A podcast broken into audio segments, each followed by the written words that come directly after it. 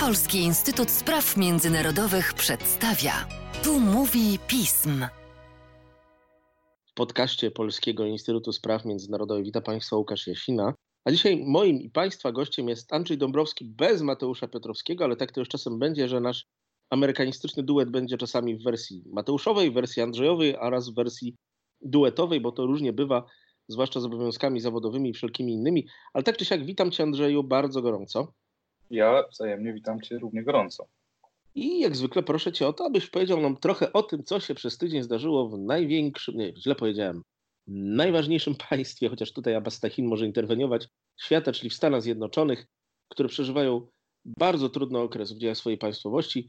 Więc zacznijmy od głównego pretekstu tych problemów, czyli od koronawirusa i od tego, jak w tej chwili ta sytuacja mniej więcej w Stanach Zjednoczonych się przedstawia. Zgadza się. Tradycyjnie mały przegląd wydarzeń. Dwie e, liczby, o których chciałbym porozmawiać, obie smutne. Pierwsza, e, smutniejsza, 100 tysięcy ofiar. Taką dosyć symboliczną granicę przekroczyły Stany Zjednoczone, jeżeli chodzi o te osoby, które zmarły z powodu koronawirusa. I symbolizm tej liczby sam w sobie jest zauważalny. Zauważalna jest też kreatywność y, komentatorów dziennikarzy, którzy starają się porównać to jednocześnie do wojny wietnamskiej, koreańskiej, wojny w Iraku, wszystkich razem połączonych oraz epidemii AIDS w latach 80.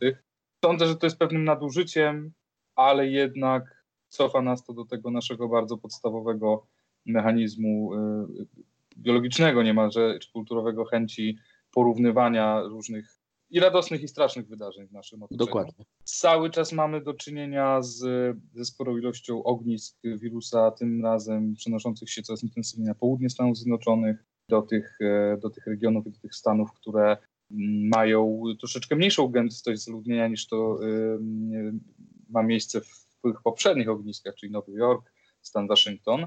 Także to będzie bardzo ciekawe w obserwowaniu, jak będą sobie tamte władze stanowe, lokalne radziły z, z przeciwdziałaniem koronawirusowi.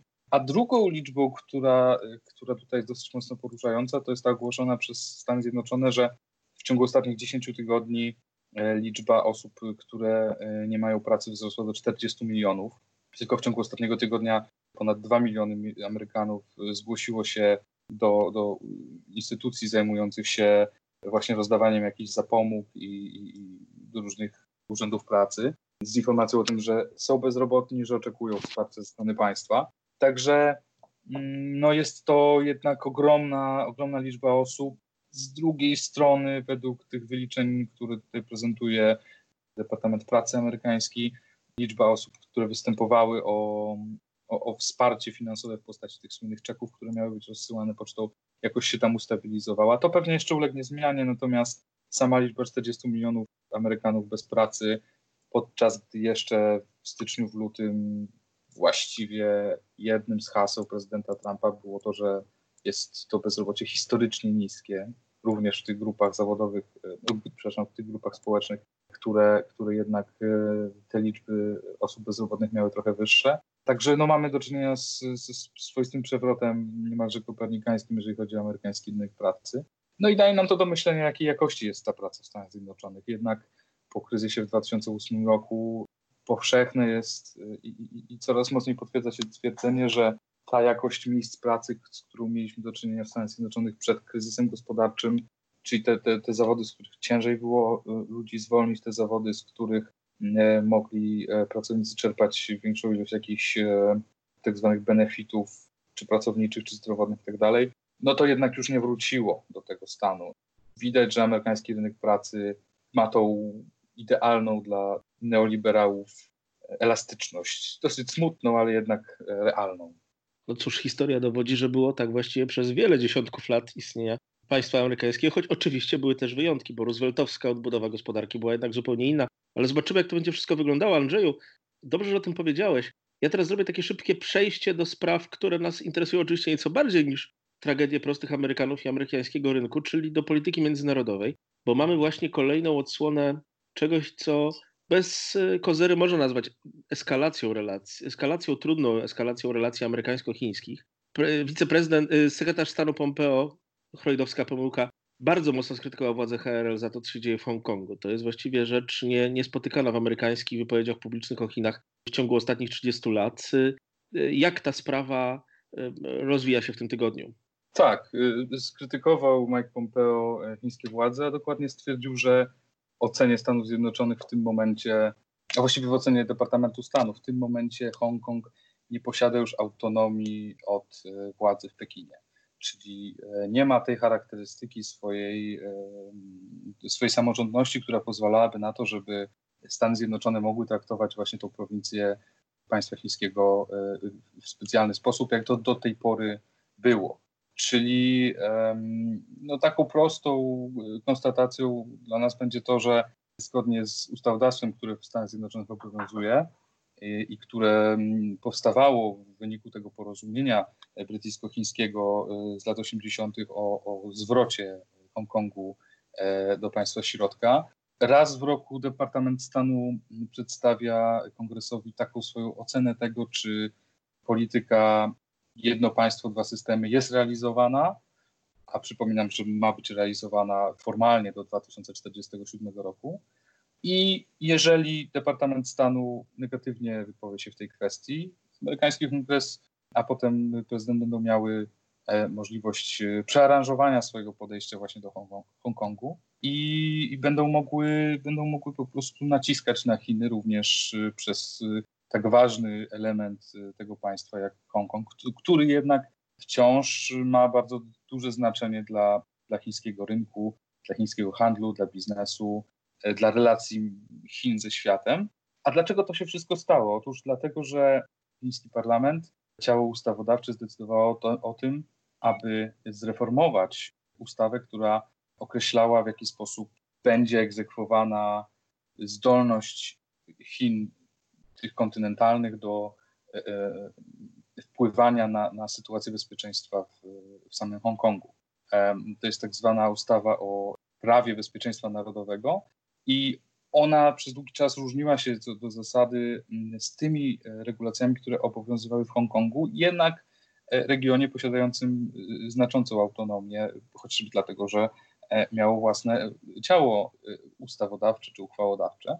W tym momencie ustawa została przegłosowana i wszystko jest na dobrej drodze, aby Hongkong stał się takim e, już ostatecznie, ostateczną gałązką, która, jak to mówią Amerykanie, złamała plecy tego wielbłąda relacji chińsko-amerykańskich. To się oczywiście przełoży najpierw na e, jakieś dosyć takie, może nie uderzające w Chiny mocno sankcje, bo pewnie personalne, dotyczące osób, które odpowiadały za ułożenie tej ustawy, dotyczące osób, które odpowiadały, odpowiadały za jej wdrażanie. Natomiast na pewno można zakładać, że y, Donald Trump w tym ferworze y, zbliżającej się kampanii wyborczej będzie wykorzystywał kartę chińską do tego, żeby pokazać swoją siłę, y, żeby dodatkowo przekonać Amerykanów, że to państwo, które już w ich ocenie również stworzonej w dużym stopniu przez Donalda Trumpa, uderzało w amerykańską gospodarkę i w dobrobyt amerykański, że udaje się kolejne etapy ograniczania tego negatywnego wpływu Chin na Stany Zjednoczone wdrażać. Także mm, możemy oczekiwać, że w najbliższym czasie pojawią się kolejne ruchy ze strony, stan, ze strony Stanów Zjednoczonych, administracji Donalda Trumpa. Już jeden, który został gdzieś tam zasygnalizowany, że się odbędzie, otóż chociażby planuje administracja ograniczyć możliwość pracy w Dolinie Krzemowej dla ekspertów spoza Stanów Zjednoczonych, którzy mieli dostawać specjalne wizy, którzy mogli zostawać w Stanach Zjednoczonych na 3 lata i, i pracować właśnie w tych e, ogromnych firmach w kalifornijskiej Dolinie. I pewnie tych różnych e, ograniczeń w relacjach gospodarczych będzie coraz więcej. Będą się wiązały z handlem, będą się wiązały z, z możliwością importu do Stanów Zjednoczonych produktów, które pochodzą z Chin lub składają się z chińskich komponentów. E, także, także tutaj będzie bardzo mocna chińska karta rozgrywana w kampanii wyborczej prezydenta Trumpa i myślę, że możemy oczekiwać kolejnych ruchów w najbliższym czasie. A stracą na tym przede wszystkim mieszkańcy Hongkongu, którzy od e, zeszłego roku walczą o swoją e, niezależność na ulicach, protestując, gromadząc się i, i, i pokazując swoją, swoje niezadowolenie wobec um, kolejnych decyzji, czy prób podejmowania decyzji odnośnie do tego, jaki Hongkong ma być. I jednak ludzie, którzy nie są winni temu, jak układają się relacje między mocarstwami, a którzy najprawdopodobniej e, będą musieli e, ponieść tego konsekwencje. No to nie jest miła rzecz, którą mówisz. E, rzecz tym straszniejsza, bo przecież mieliśmy żyć w świecie, w którym zupełnie inaczej miało to wyglądać. Andrzeju, ale Ameryka wraca na mocarstwowe pola również w paru innych sprawach. Mieliśmy coś, na co oczekiwaliśmy w tym tygodniu i co się być może zdarzy jutro, w sobotę, ale zobaczymy, jak to będzie wyglądało. Pierwsze od jakiegoś czasu wyniesienie e, żywych Amerykanów w kosmos e, dzięki partnerstwu publiczno-prywatnemu. Bardzo mocno się tutaj pojawiają sformułowania SpaceX, nazwisko właściciela firmy, która przejęła nazwisko Nikoli Tesli, ale nie jest to sprawa, która tak naprawdę pojawiła się PR-owo teraz w Stanach Zjednoczonych. Ty sam już kilka lat temu pisałeś o tym, że Stany Zjednoczone będą do kwestii kosmicznych na nowo wracać. Nie tak dawno przecież Donald Trump zresztą zaprezentował nawet logo nowych powietrznych sił kosmicznych. Zgadza się. Polski Instytut Spraw Międzynarodowych również pisze o amerykańskich ambicjach kosmicznych. I, i pisaliśmy o tym i Mateusz, i, i, um, i ja również popełniłem taki tekst, do którego serdecznie zapraszam. No i właśnie to, co miało się wydarzyć, czyli pierwszy e, amerykański załogowy lot kosmiczny od um, zakończenia w 2011 roku programu lotów wahadłowców, nie odbył się, ponieważ pogoda na to nie pozwoliła. Ma się odbyć w sobotę. No ja będę czekał i oglądał, ale sam lot to jest wierzchołek góry lodowej. Najważniejsze jest to, co się kryje za decyzjami, które zapadły w 2018 roku. Otóż Donald Trump um, bardzo zdecydowanie i, i, i, no nie oszukujmy się też, dosyć odważnie postanowił konkurować y, z Chinami przede wszystkim w obszarze przestrzeni kosmicznej, w obszarze podboju kosmosu. No i oczywiście postanowił wykorzystać te zdolności, które Stany Zjednoczone mają najlepsze, czyli swoich przedsiębiorców. I w ramach branży New Space i w ramach zaktywizowania e, współpracy tego partnerstwa e, prywatno-publicznego między, między amerykańskim rządem jego agendami, a firmami takimi jak Tesla, takimi właśnie jak Tesla, czyli SpaceX, takimi jak United Launch Alliance, jak Blue Origin, powstało szereg inicjatyw, z których to, co będziemy, mam nadzieję, obserwowali szczęśliwie um, zakończy się dokowaniem e, tego statku przy Międzynarodowej Stacji Kosmicznej to jest tylko element. Tak naprawdę trzeba spojrzeć na właściwie dziesiątki miliardów dolarów zakontraktowanych u SpaceX i u e, United Launch Alliance, e, no i też u Blue Origin na usługi kosmiczne, na dostarczanie sprzętu na orbitę do Międzynarodowej Stacji Kosmicznej, na wynoszenie cywilnych amerykańskich, ale też wojskowych obiektów na, na niską orbitę Ziemi. To są miliardy dolarów, które również e, mają wspierać ten biznes, e, jeżeli chodzi o rozwijanie nowych technologii.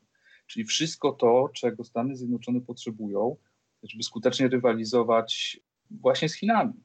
Obok tych działań cywilnych pojawia się oczywiście już wspomniana przez Ciebie inicjatywa mm, stworzenia kolejnej gałęzi sił zbrojnych Stanów Zjednoczonych, czyli Space Force, która obok e, marynarki, sił powietrznych, Marines, armii oraz tych sił, które patrolują y, amerykańskie wybrzeże, będzie szóstą, szóstą siłą i która będzie y, miała no, na celu tak naprawdę udowodnienie na samym początku, że Stany Zjednoczone mają tą technologiczną zdolność, mają zdolność finansową do tego, żeby e, realizować swoją politykę kosmiczną i że jeżeli Chiny będą chciały stanąć w szranki ze Stanami Zjednoczonymi, no to mają sporo do, do udowodnienia również. Od e, wielu lat Stany Zjednoczone nie prowadzą absolutnie żadnej współpracy kosmicznej z Chinami. Wychodzą z założenia, że Chińczycy, no nazwijmy to wprost, kradną te technologie, które, które im się podobają i które są im potrzebne do, do osiągania ich celów polityki e, ekonomicznej, a też polityki kosmicznej.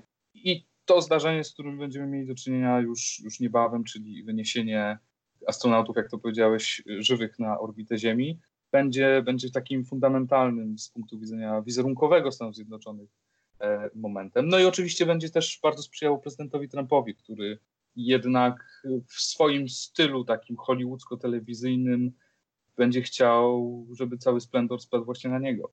I też dlatego w 2017 roku podjął decyzję, żeby na przykład reaktywować Narodową Radę Kosmiczną, która po 24 latach nieistnienia de facto na nowo powstała i, i pod przywództwem Mike'a Pence'a zaczęła wprowadzać te, te szerokie programy finansowania współpracy y, prywatno-publicznej. Dlatego Donald Trump pokazuje się jak tylko się da właśnie w okolicznościach takich e, jak na przykład odsłonięcie tego sztandaru e, w gabinecie owalnym, sztandaru, który ma być e, symbolem Space Force.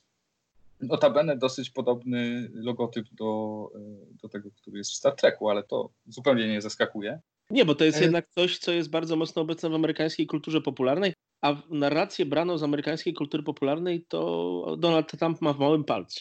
Zgadzam się i myślę, że nie będzie już takiego amerykańskiego polityka, który będzie w stanie to właśnie tak dobrze przeprowadzić jak Donald Trump.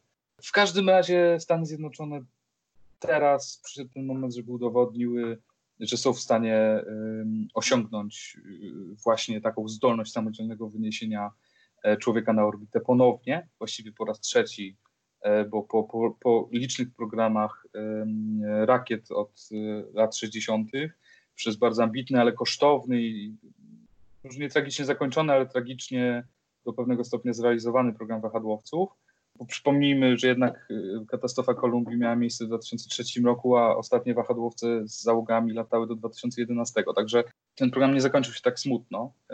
Pamiętajmy o tym że teraz będzie mógł prezydent Trump ogłosić kolejny krok, który już wcześniej zasugerował, że w 2024 roku chciałby zobaczyć ponownie e, amerykańską flagę wbitą w powierzchnię e, naszego satelity, czyli w Księżyc.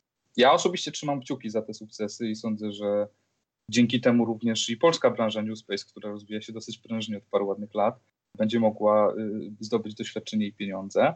E, zwłaszcza, że potrzebujemy zdolności obserwacji Ziemi, potrzebujemy tych zdolności kosmicznych i pogłębianie współpracy ze Stanami Zjednoczonymi w najbliższych latach, kiedy tylko będziemy wychodzili z kryzysu gospodarczego, na pewno będzie czymś naturalnym, czymś, z czego skorzystają e, wszyscy Polacy.